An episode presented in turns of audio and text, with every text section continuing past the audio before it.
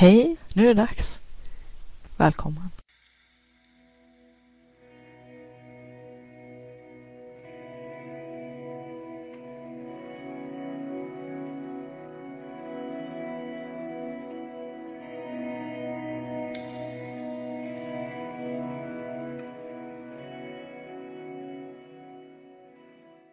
Vill du uppleva mera kreativitet och flow, få mer kvalitetstid till ditt skapande och kreativa liv, mer energi och lust, tillgång till dina kreativa superkrafter? Då har du kommit helt rätt. Välkommen till Kreativitetspodden. Hoppas att du ska ha en trevlig lyssning. Vi skriver avsnitt 31. Jag tänkte prata idag om att våga. Våga ändå, fastän man är skiträdd kanske. Prata lite grann om rädsla. Först ska jag berätta att eh, jag eh, spelade in lite kortare avsnitt mellan de långa. Jag har ju 15 avsnitt nu ligger på, på kö här och ska publiceras.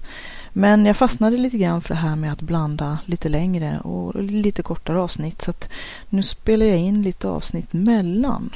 Vi får hoppas att jag inte föregår mig själv och råkar prata om någonting som jag har pratat i någon podd som kommer längre fram. Jag ska försöka undvika det.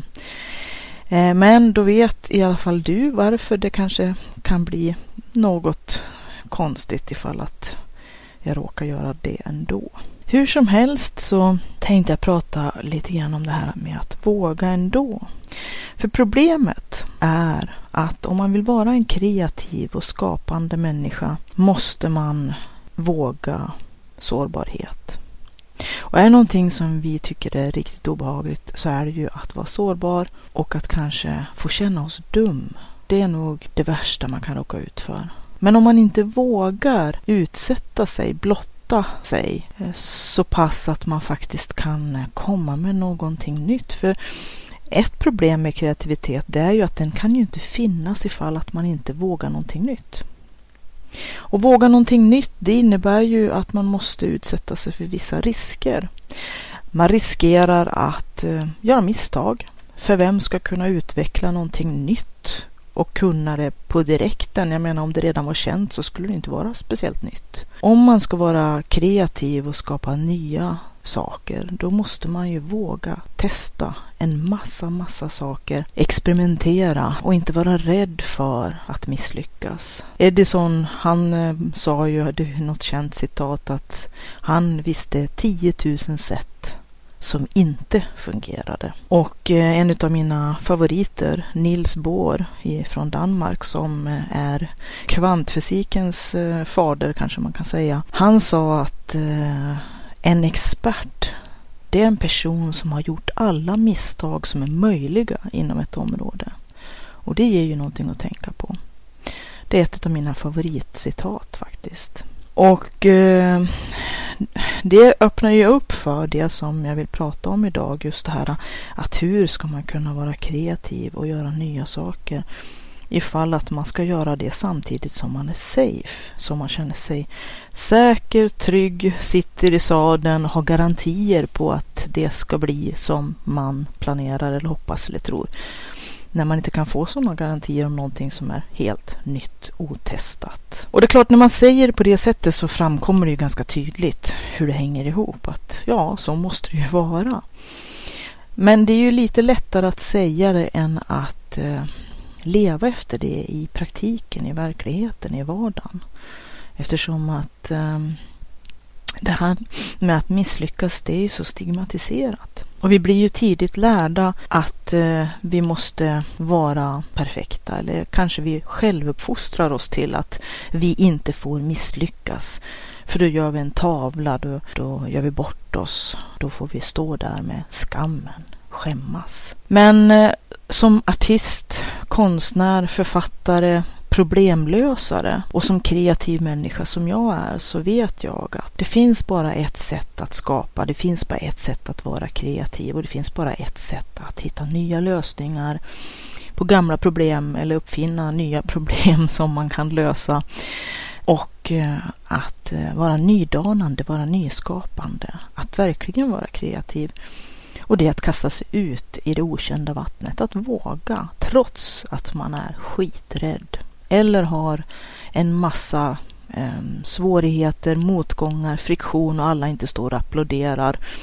Och att alla inte är precis lika stödjande och supportande som man skulle kanske hoppas och önska och vilja. Då gäller det att ändå ha den här ryggraden, civilkuraget och modet att våga ändå. Att helt enkelt våga satsa. Även när det känns som att man riskerar att eh, ja, göra sig själv till löje eller kanske andra anser det. Fast för mig känns det som att den som vågar att göra nya saker och faktiskt sätta sig själv på spel, det är de verkligt modiga människorna. Det är himla lätt och det har jag skrivit en hel del om i Skapa och sälj just det här med eh, dels eh, optimistkonsulterna som jag kallar det lite ironiskt som alltid verkar ha en miljon olika sätt att eh, såga en jäms med fotknölarna eller knäskålarna och alltid tar det roliga ur precis allting. Det är riktiga neggnissar. Om de inte är lyckliga ska ingen annan vara lycklig heller. Och framförallt är de skitbra på att underminera allt och alla. Och det låter inte som så speciellt trevliga människor och man kanske kan tänka att de är väldigt onda och elaka och ja, vissa kanske är rent av gemena, inte vet jag. Eller så har de bara lite otur när de tänker. De är omedvetna om vilken negativ inverkan de har kanske. Eller så reagerar de med sin, med sin ryggmärg. Att de känner sig hotade av att någon annan gör det de kanske innerst inne själva skulle vilja. Kanske inte exakt det som du har som idé eller det som du försöker få lite stöd för eller som du berättar om utan kanske bara så enkelt som att de inser att de också borde faktiskt följa sitt hjärtas röst och förverkliga sina drömmar och sina visioner och göra det som de egentligen i grund och botten innerst inne vet att de vill, behöver och eh, borde göra om de vill möta sig själv, vara sitt sanna jag, sitt autentiska jag. Vara sann mot sig själv och inte rippa sig själv och resten av, och, och resten av omvärlden på, på sitt liv och det de egentligen skulle åstadkomma. Men att det är mycket lättare, det är så himla mycket lättare att gömma sig bakom det redan kända, det som är godkänt, det som är garanterat, där man inte riskerar någonting. Framförallt inte att misslyckas. Alla kan ju, alla de här optimistkonsulterna i varierande grad utav negativism de eh, är ju väldigt snara att berätta att så har man aldrig gjort så det kan aldrig funka. Eller så har någon gjort någon gång och det funkade inte. Så att eh, det finns alltid en massa olika skäl till att man inte ska testa någonting nytt. Eller att man inte ska försöka fortsätta testa på någonting som någon, någon någon gång försökte en enda gång och misslyckades med. Då kan man liksom redan från början säga att det är kört. Det som är lustigt med de här personerna också, jag har en känsla av att det är samma människor. Då det lyckas då är de väldigt snara att säga att de alltid har vetat att det skulle gå bra. De vill liksom stå på vinnarnas lag hela tiden. Det är lite grann som när Sverige spelar eh, ishockey-VM eller vad det nu kan vara, fotboll. När eh, det går bra för Sverige, då heter det vi. Alla pratar om åh, vi, vi, vi. När eh, bollen hamnar i mål. Vi gjorde mål igen. Men när det går dåligt, då heter det de borde, de skulle, de, de, de. Det är någon annan liksom. Då är det inte vi längre.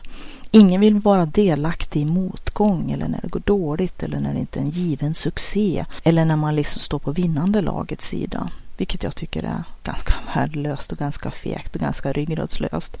Men tyvärr, faktiskt, så funkar väldigt många. Vi har ju en typ av märklig flockmentalitet också. Att eh, om alla tycker att någonting är bra eller alla tror att någonting är bra och alla sällar sig till någon sida eller något ställe eller någon idé eller någon människa. Då tror och då är alla helt övertygade om att det är jättebra för att om majoriteten eh, står på den sidan måste ju det vara vinnande laget. Det måste ju vara de som har rätt. Och som man brukar säga om de som kommer med ny, nya insikter nya infall, nya förslag på vad man borde göra. De som är nydanande, de som är innovatörer, de som är uppfinnare, de som, som är kreativa och vågar satsa på att försöka testa och, och göra saker på helt nya sätt. De blir först förlöjligade. Dels naturligtvis av alla som inte som står på den vinnande sidan, där alla står redan. Också för att eh, man är obekväm. Alla människor är obekväma med förändringar. Man vill inte, man vill inte veta att eh, det man alltid har trott på inte längre, kanske, eventuellt inte stämmer. Det behöver inte vara korrekt eller sant eller vara en en framkomlig väg. Men eh, många forskare, nya i branschen så att säga, de blir ju aktivt, oftast aktivt motarbetade mot de som är auktoriteter och inarbetade sedan jättelänge. Om de kommer på en idé eller en teori eller en hypotes eller forskningsresultat som råkar strida mot vad det vinnande laget, de auktoriteter intresserade redan har sagt eller tycker eller den rådande skolan. Så att först så blir ju alla pionjärer, alla innovatörer blir hånade, förlöjligade. Allt det de säger är ju komplett galet. De är i princip eh, kanske till och med, om inte psykiskt sjuka så i alla fall ganska förvirrade. Foliehattar. Men sen när det börjar gå upp för att eh, de kanske har någonting på gång då är det många som blir ännu mer aggressiva i att motarbeta dem eftersom att som sagt nu utmanar de på allvar den rådande skolan, auktoriteterna, de inarbetade, de som redan hade sitt på det torra som kanske från början var innovatörer och pionjärer som slog igenom för väldigt länge sedan och hade ett genombrott och sen har de inte gjort så himla mycket nyskapande för de har ju bara legat och vilat på lagrarna i sin trygga värld av gamla framgångar utav det som de en gång gjorde. När de var ung, orädd, hungrig och ja, inte hade så mycket att förlora. Nu har de en hel del att förlora så därför så vill de bara bita sig kvar. Det är lite grann som när Sverige spelar ishockey det också, eller fotboll. Att eh, ligger man några mål plus och det börjar kanske närma sig den senare delen av matchen, då börjar man spela väldigt defensivt. Och lite grann så är det väl kanske med folk som har eh, fått sitt på det torra och har etablerat sig och blivit auktoriteter eller de dominerande i någon bransch eller i något sammanhang. Det behöver inte bara handla om forskning. Men efterhand, om den här äh, tidigare hånade och föraktade och förlöjligade och aktivt motarbetade personen visar sig ha lite för mycket på fötter så att det till slut blir ganska omöjligt att äh, fortsätta insistera. Det var väl lite grann som när man kom på att eh, kanske det inte var jorden som var universums mittpunkt. Tänk om det inte var så. Då blev ju väldigt många väldigt upprörda och vill ju börja bränna folk på bål. Men till slut så eh, blir ju auktoriteterna tvungna att krypa till korset när det visar sig att den rådande skolan inte var helt rätt eller kanske inte alls var rätt. Ibland kan det tyvärr vara så illa att den, den här aktiva motarbetandet av nya idéer kan vara så aggressivt och så brutalt och så effektivt att det måste gå en generation tills de här gamla uvarna har dött. Alla har vi nog sett det lite grann till mans på arbetsplatser, organisationer och på en del. Det finns ju vissa stockkonservativa ställen där eh, det här är i högsta grad aktuellt. Och där kan man ju också vara ganska säker på att kreativitet, nytänkande, nydanande, nyskapande och eh, innovationer och pionjärskap knappast är i förarsätet. Där vilar man på de gamla lagrarna. Man försöker då när man märker att till exempel konkurrenter eller andra som kan börja hota en börjar bli lite för hotfulla eller påträngande eller ja, helt enkelt man, man inser att nu, nu börjar det liksom att, att hetta till på plåttaket. Då försöker en del av de här, oftast eh, nästan med, som kanske har tillskansat sig mer eller mindre monopolmässig makt, försöker att eh, backa sig in i framtiden. De försöker stå med utsträckta armar och hindra allt från att komma förbi dem så att de själva ska liksom kunna backa sig in i framtiden och hålla alla andra borta genom att inte tillåta dem att eh, komma förbi. Och som man brukar säga, man kan inte hindra utvecklingen, inte i långa loppet. Man kan bara välja att själv inte utvecklas med den. Och så har ju många eh, civilisationer och många företag gått i graven som inte har haft omvärldskoll, inte anpassat sig, inte har kunnat nyskapa sig själva. Och det är ju lite grann eh, det som vi också till mans måste passa oss för, de här mekanismerna. Att det är så himla lätt att eh, bli bekväm i den fasta sitsen, i det här som är välkänt för oss som vi känner oss um, trygga i, som vi redan kan, som vi redan vet, där vi kanske till och med är både erkända och accepterade och lite utav en uh, auktoritet.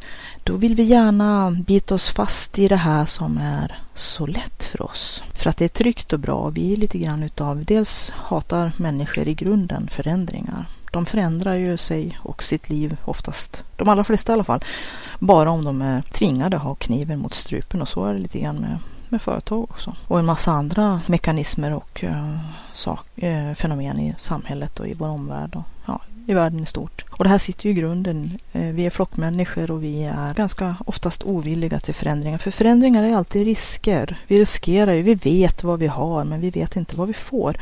Och det kanske kan kännas väldigt rationellt och vettigt på ett sätt. Men det som eh, många, det är i alla fall som är min erfarenhet när jag har varit, eh, jag var ordförande i en, i en stor bostadsrättsförening bland annat under sex års tid och så vidare. Där jag fick chansen att se det här på nära håll. Det är att folk, till och med när de vet att någonting skulle vara till det bättre, skulle vara ja, både viktigt, bra och, och så väljer de hellre inte förändring. Att slippa det här eh, jobbiga med förändring. Att de hellre har det sämre än tvingas till förändring.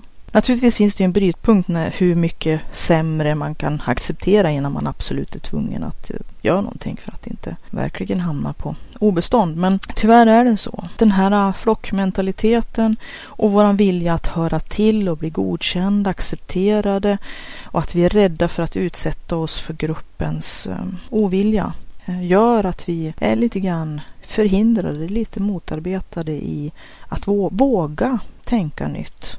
Och det är klart, många kan ju kanske gå omkring och nära en massa tankar och drömmar och fantasier och nya idéer, innovationer och kanske en hel del briljanta saker som har gått hela mänskligheten förbi eftersom att den stackars personen inte faktiskt vågade tala upp eh, eller, eller stå för det som de gick omkring och bar inom sig som kanske skulle ha kunnat gjort en jättestor skillnad. Att man eh, helt enkelt inte hade modet eller förutsättningarna att kunna tackla det här. Och då är ju förstås naturligtvis är det ju om man nu kan hitta likasinnade och om man kan hitta folk att samarbeta med och man kan vara åtminstone en mer än sig själv eller en mindre grupp så har man ju naturligtvis mycket stöd i det.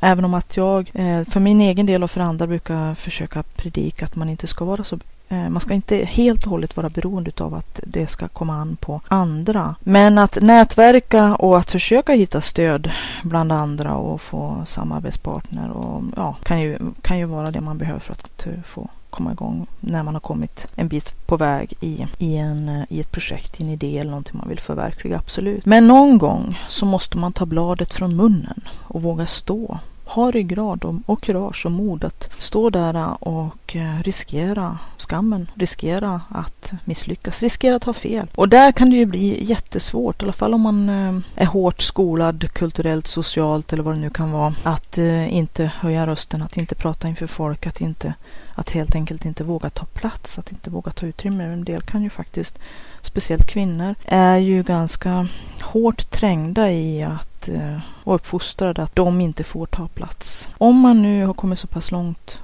att man kanske ser de här mekanismerna för vad de är och är beredd att våga ändå. Som jag säger, att våga fastän att man är skiträdd. Och det har blivit enklare för mig. Och det är klart, det har ju varit enklare för mig från början på det sättet att som konstnär, så artist och lite sådär eh, allmänt märklig eh, sysslar med forntida järnframställning och en del andra konstigheter, så har jag liksom lite mer slack, lite mer space att faktiskt få vara lite mer, mer av mig själv. Så jag har skapat det här utrymmet eh, åt mig själv. Men samtidigt så kanske man ändå någonstans måste försöka hitta det här eh, modet eller hitta mekanismer att komma ikring det. För att som sagt, jag eh, har ju om man nu ska kalla det för, uppfostrat alla i min omgivning att kunna vänta sig vad som helst. Och det är ju någonting som har legat väldigt naturligt för mig och som alltid har varit så att eh, jag vet att eh, när jag jobbade som eh, elreparatör och starkströmselektriker och klev in i en sån här stor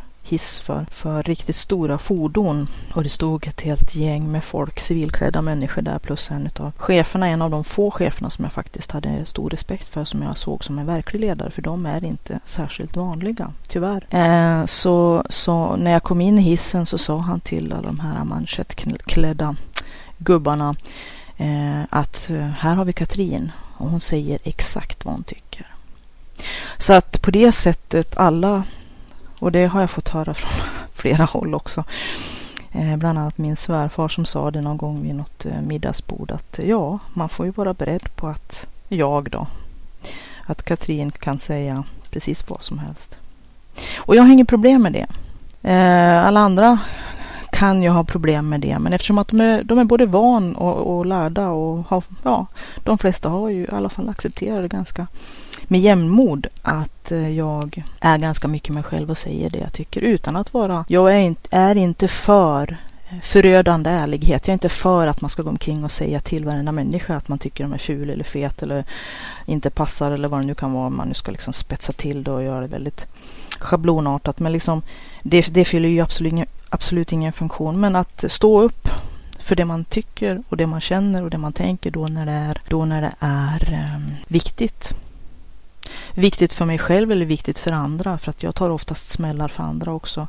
Därför att jag har råd med det. Jag har de resurserna och är ganska van att ta rätt mycket smällar. Eftersom att jag har levt i en helt igenom mansdominerad värld av egen vilja, av fri, fritt val, så har jag jobbat och haft hobbys i en, i en av de tuffaste branscher man kan välja. Kanske den tuffaste. Det kanske är lätt för mig eller så kanske man kan säga att jag har skapat det här utrymmet själv. Och ett annat sätt att göra det här äh, på ett lite mindre dramatiskt sätt och som jag faktiskt själv också använder mig av. Det är att äh, våga skratta åt mig själv att uh, göra bort mig. Ibland kan jag, har jag faktiskt satt i system som då när jag jobbade på, på elverkstad. Så fort någon kom in och vrålade och skrek att någonting hade, hade hänt, någonting hade gått snett, någonting var fel. Då räckte jag upp handen och sa att det var jag, även om det inte var jag. Alltså att uh, kunna dels uh, vara ganska, jag vet inte, jag kommer inte på något bra ord, men helt enkelt vara så pass avslappnad kring att utsätta sig för att vara den som eventuellt kan få skulden eller har gjort fel eller som att kunna skratta åt sig själv också för att jag erkänner saker som är jättepinsamma för mig och är ganska rak och ganska öppen. Och det är klart, det kan ju låta som att jag är liksom något slags eh, mönsterexemplar utav människa. Det är jag verkligen inte, men jag vet inte. Jag har ju valt att vara sån här eftersom att det ger vissa fördelar.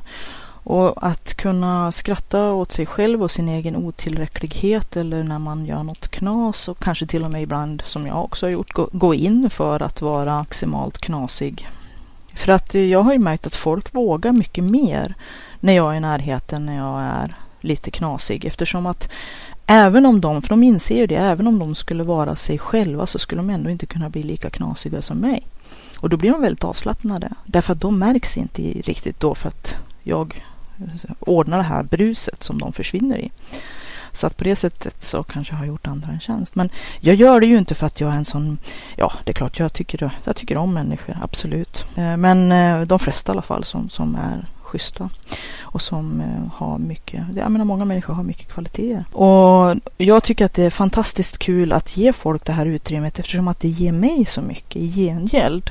Att när folk vågar vara sig själva och eh, bidra lite mera med sig själva, göra sig sårbara eftersom att som sagt jag drar på mig ganska mycket av uppmärksamheten och då vet de att de känner de att de kan vara trygga i att försvinna lite grann ändå i mängden, i tapeten, fastän att de kanske är bra mycket mera sårbara eller blottande eller mera vågar riskera misslyckanden och att kunna mer kunna skämta också om sig, sig själva, skratta åt sig själva, liksom att de blir mera avslappnade, showsfria. Ja, om det kostar det priset att uh, få ta del mer utav vad folk runt omkring en har inom sig. Jag menar, jag har ju fått så oerhört mycket i gengäld när... För jag, lite grann, det är det som är lite udda med mig. Jag är ju, i grund och botten är jag introvert. Eh, en inåtvänd, eh, tyst typ som helst av allt, eh, ja i alla fall ganska mycket behöver ensamtid och att sociala evenemang kostar ganska mycket av min energi och att jag måste ha mycket återhämtning efteråt. Även om att jag älskar många sociala sammanhang för att det ger så mycket som sagt. Men att det ändå tar mycket hårdare på mig som introvert än extrovert. Så att jag tar med det i beräkningarna. Jag har i alla fall, om jag har lagt mig till med det eller om det är någonting som jag har um, utvecklat över tid. Jag kanske har gjort det att jag har utvecklat över tid. Det är att eh, jag, har, jag har eh, mer och mer börjat med en typiskt extrovert teknik eller egenskap. Det som i och för sig extroverta kanske gör mer utav eh, ohejdad vana och eh, ryggmärgsreflex. Och det, kanske, det, har ju, det gör jag också faktiskt. Men jag har lagt mig till med det här eftersom att det är så himla värdefullt. Och jag har gjort det helt naturligt. Jag har bara kommit på mig själv i efterhand att, jag, att det faktiskt funkar så. Introverta typer de vill ju helst läsa, grubbla, tänka, sitta på kammaren, ha mycket egen tid, behöver mycket återhämtning efter att de har eh, varit bland folk och i sociala sammanhang och det stämmer jättebra in på mig. Men som de extroverta så älskar jag att tänka genom andras hjärnor. Det låter lite otäckt nästan. Men det, det, är inte så dramatiskt som det låter.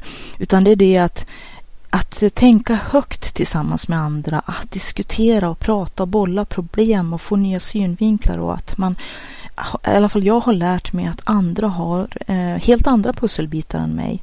Och det kan ibland vara pusselbitar som har med någonting helt annat att göra. Men plötsligt kan jag få de här pusselbitarna och liksom eh, det är nästan som när en jättesvår patiens plötsligt går ut, att man får det här, det här kortet eller det här kugghjulet som fattas och så voilà, så, så faller någonting ut som aldrig skulle ha gjort det annars.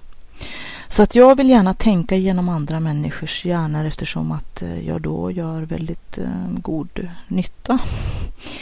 Eh, eller har väldigt god nytta av det förhoppningsvis har väl de också ganska mycket behållning av att prata med mig och att vi har ett utbyte där när vi liksom ehm, eh, flödar och flowar med, hamnar i det här flowet när man, det kan man ju göra när man sitter och pratar med någon som, som man verkligen eh, connectar med när man hamnar på samma våglängd och liksom pusselbitarna bara liksom skramlar fram och att man tillsammans lägger det här eh, mentala pusslet. Det är liksom fantastiskt, fantastiskt kul och väldigt utvecklande. Så att jag eh, använder mig utav den här metoden att eh, genom andra människor tänka högt och eh, diskutera så att en massa nya pusselbitar och saker som kanske skulle ta mycket längre tid eller inte alls gå i lås plötsligt faller ut. Och mm, det är en sån värdefull grej att man helt enkelt inte kan låta bli att använda Eh, den tekniken när man märker att den börjar ge frukt eller att den har kanske till och med gett frukt hela tiden så fort man har vågat prova den.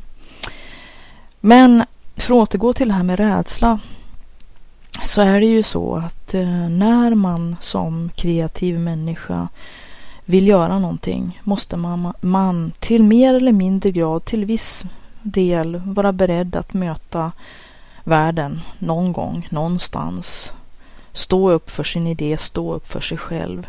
Det behöver ju inte vara jättedramatiskt, även om att i vissa sammanhang så kan det ju vara ganska nedbrytande när man möter de här optimistkonsulterna som jag kallar det, för de finns faktiskt tyvärr lite för många av runt omkring en oftast. Och ibland kanske de till och med inte menar illa. De, de kanske inte är medvetna om att de egentligen känner sig hotade för att man påpekar, man pekar ju på någonting som de själva har tryckt långt, långt, långt ner och lagt locket på i sig själva.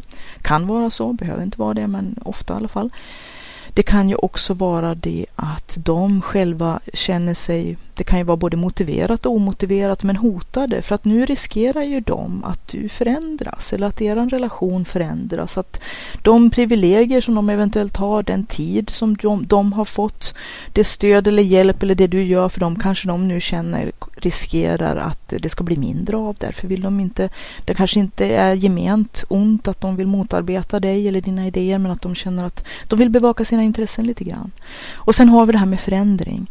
Att förändring är så himla otäckt att vi nästan gör vad som helst för att slippa det. Till och med när det är någonting som innerst inne vi vet skulle bli någonting bättre. Det kan finnas en massa skäl till varför de inte slår klackarna i taket. Och det får man ju liksom eh, vara beredd på. Det är, lite, det är nedbrytande och tråkigt faktiskt. För att eh, någonstans så hoppas vi ju på bekräftelse att vi ska känna att vi får stöd och support. Och ni kan ju supporta den här podcasten också genom att gå in på www.sidharta.se och klicka på bidra. Där finns det en lista på saker man kan göra för att hjälpa mig om man tycker att de här poddarna är värdefulla och, att man vill ha fler av dem oftare. Passade på att plugga in det där eftersom att det var ganska bra läge. Man har ju lärt sig lite grann poddtugg här lite grann. Att eh, man eh, pluggar när man gör lite reklam för någonting.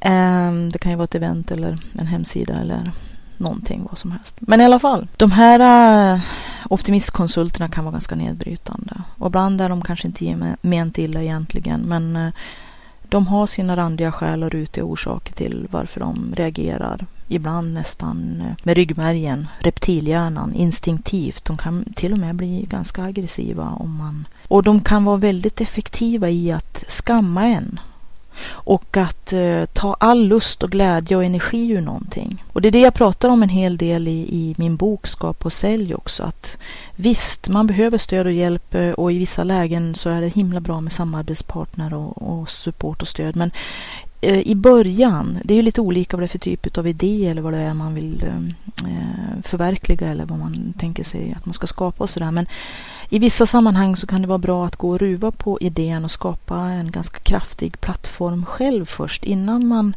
går ut och riskerar att få hela sin idé och, och som man upplever det sig själv och eh, idén ehm, slaktad av andra, liksom sågad jäms med fotknölarna. Att man då kanske har lite mera beredskap och kanske har liksom lite mera, man har redan fått ganska mycket motståndskraft i och med att man så pass mycket har eh, börjat tro på den här idén. För det är ju så också att om man inte själv tror på sin idé eller sig själv eller det man gör, vem ska i så fall göra det? Det är kanske en liten tuff grej att säga men eh, kan vara väldigt sann och som man får vara öppen för. Det finns ju också, förutom de här optimistkonsulterna, så finns det ju det jag brukar kalla för krösamajorna. Och det är ju den här typen av människa som eh, kan berätta skräckhistorier. Att hur illa det gick för en person i liknande den situationen som du är i eller det du tänker göra. Och det kan ju handla om vad som helst. Det kan handla om en operation du ska göra, så kan du berätta skräckhistorier om det. Alla av den typen operationer där folk dog eller fick fruktansvärda smärtor och där inte, inte operationen gick igenom och, och blev success. Eh, och så vidare och så vidare. Och det är den här typen av människor som, eh, om, om man nu har sett Emil i Lönneberga, den här Krösa-Maja, när hon, när hon berättar för barnen, och de är ju naturligtvis skräckslagna, att eh, när folk fick tyfus först blev de blåa och sen dog de. Det var liksom kontentan av det hela. Och det är många som kommer att vara väldigt hjälpsamma och bistå med den informationen. Alla som det gick åt helvete för när de försökte vara så wild and crazy som dig och försöka någonting nytt. Eh, så, att, men, så att i början kan det vara viktigt att skydda både sig själv och sin idé och bygga upp en plattform och ha ett visst, eh, en viss beredskap. Och att man själv har hunnit komma så pass långt i sin egen process att man inte kommer att eh, vika ner sig bara för att det är någon som försöker såga knölarna, eh, fotknölarna eller knäskålarna av en. Eh, av vilket skäl det nu än må vara. Det var väl lite grann det som jag ville prata om idag. Om man inte vågar så kommer det ju helt enkelt inte att bli av. För det är väl det som är lite grann den tuffa sanningen i det här. Också att man måste skaffa sig en väldigt, eh, bygga upp en tålighet. Dels våga skratta åt sig själv Kanske börja träna på att uh, våga misslyckas. Att uh, inte ha så himla mycket ansikte som man riskerar eller är rädd att förlora. Att uh, ta lite lättare på sig själv. Att samtidigt som man vågar satsa på det man vill på allvar bakom kulisserna ändå utåt sett inte ta sig själv på så stort allvar att någon kan komma åt en på det här sättet. Vilket jag tycker är synd att man ska behöva utveckla sådana sådana strategier eller för, förstår de här mekanismerna. Men det är i alla fall min erfarenhet att eh, det kan vara bra att vara lite förberedd. Alla kommer inte att vara så. Det finns, det finns också motsatsen. De som är dina ohejdade supportrar och, och um, äter ur din hand och beundrar allt du gör och hejar på dig. Och, och, det är klart, ibland kan man verkligen behöva de som är oförfalskat nästan eh, idoliserar en. Eh, men som hör till en supporterklubb och sådär. Samtidigt som man också måste vara lite kritisk och kanske kunna förstå ibland också för att eh, jag har ju, min man är ett ganska bra skitfilter och jag är väl hans skitfilter. Att man måste ha vissa personer som man kan ha en, en, eh, en, eh, ett allvarligt snack med om saker som betyder någonting och att man vet att man får eh, att man har ett genuint bollplank som inte bara kommer att eh, stryka en medhårs och säga ja tack amen och hålla med om allt det man säger. Eh, för att de vill antingen vara snäll eller för att de är rädda för att stöta sig med en eller ja, vad det nu kan vara för någonting.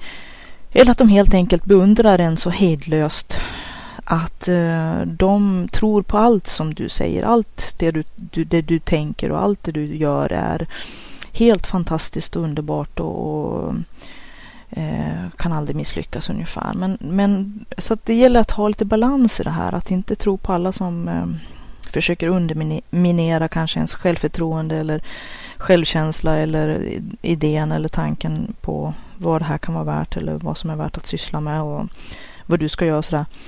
Eh, men eh, samtidigt också ta de som är kanske eh, Eh, alldeles, alldeles för entusiastiskt eh, positiva, ensidigt positiva och kanske inte, som sagt det kan vara jättetrevligt att få, få ta emot bekräftelse och uppskattning av människor som är ovillkorlig och som är underbar faktiskt. Det finns plats för det också. Men också att hitta den här balansen när man ska fatta kanske beslut som kan få stor, stora konsekvenser för en själv och för ens liv eller för ens nära och kära, ens familj, för ens ekonomi, för ens framtid som sagt. Eh, så kan det vara bra att eh, hela tiden ta in så mycket som möjligt. Men ta både de, både de genuint positiva eller kanske översvallande positiva och de som är som du upplever extremt negativa med en stor nypa salt. Och eh, tro på dig själv. Det var väl ungefär vad jag hade på hjärtat den här gången. Hoppas att du hade behållning av det. Ha det gott och våga. Våga lite mer. Tack för att du har lyssnat på den här podden. Hoppas den var till mycket nytta och glädje. Om du vill läsa mera om Siddharta, gå in på www.siddharta.se där finns också kontaktuppgifter så att du kan till exempel mejla om du har frågor eller kommentarer eller vill ta upp något ämne som du gärna vill höra på podden i framtiden. Välkommen att höra av dig.